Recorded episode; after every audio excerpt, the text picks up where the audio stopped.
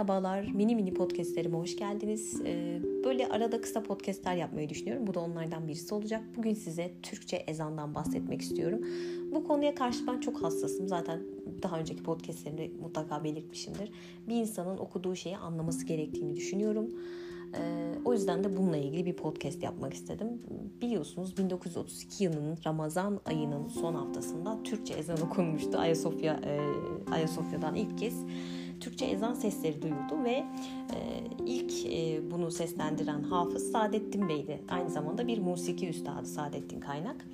E, Atatürk onu görevlendirdi ve Ayasofya minaresinden 1932 yılının Ramazan ayının son haftasında onun sesi yankılandı. Türkçe ezan okundu.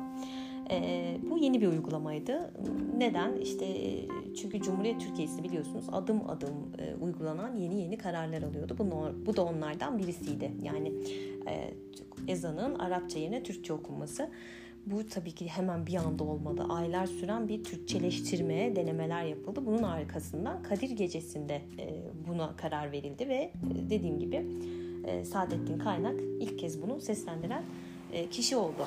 Şimdi e, bu Türkçe ezanın hemen mealinden bahsetmek istiyorum. Yani Türkçesini söylemek istiyorum. Tanrı uludur, Tanrı uludur. Şüphesiz bilirim ve bildiririm. Tanrı'dan başka yoktur tapacak. Haydi namaza, haydi felaha. Namaz uykudan hayırlıdır. Yani e, her gün dinlediğiniz ezanın Türkçesi aslında bu.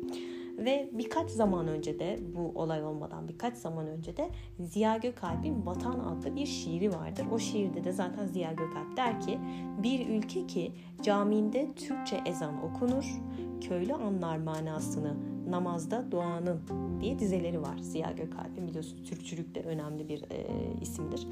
Ve ezanın Türkçe okunduğu o günün akşamı e, Mustafa Kemal Hafız Saadettin Bey'i Dolmabahçe'ye çağırıyor.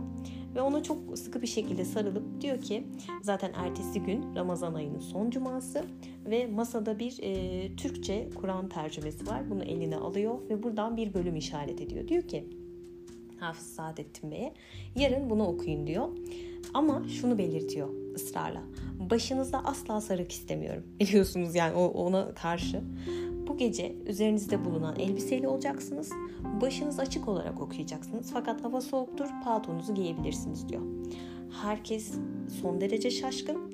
Hafız Saadettin Bey de çok şaşkın. Adam Dolmabahçe Sarayı'na ama büyük bir tereddütle ayrılıyor. Çünkü ne olacağını bilmiyor. Neyse daha sonra Cuma hutbesi ve Türkçe düşünebiliyor musunuz? Türkçe Cuma hutbesi.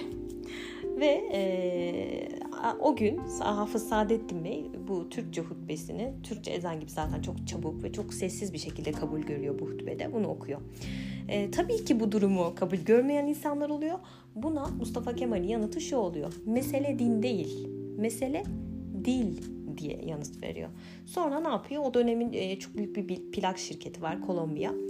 E, Kolombiya tarafından bu Saadettin Bey'in sesini kaydediyor. Türkçe ezan 78 devirli bir plağa basılıp tüm yurda yayılması planlanıyor ve daha sonra e, 1949 e, günü yapılan meclis oturumunda ne yapıyorlar?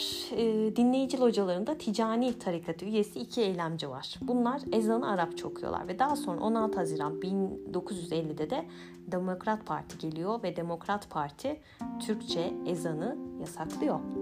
Adnan Menderes'in partisi ve e, biliyorsunuz. Ve aynı gün e, 100 yılın büyük şairlerinden şairlerinden olan Orhan Veli diyor ki e, Yaprak dergisine şöyle bir demeç veriyor diyor ki Demokrat Parti'nin ele aldığı ezan meselesi sadece ezan meselesi olmaktan çıkıyor. Daha bir sürü gericiliğin başlangıcı ve gericiliğe göz yummanın işareti oluyor. Zaten işin bu kadarla kalmayacağını da kalıbımızı basarız. Sarıklı, cübbeli softalar sokaklara çıktı bile.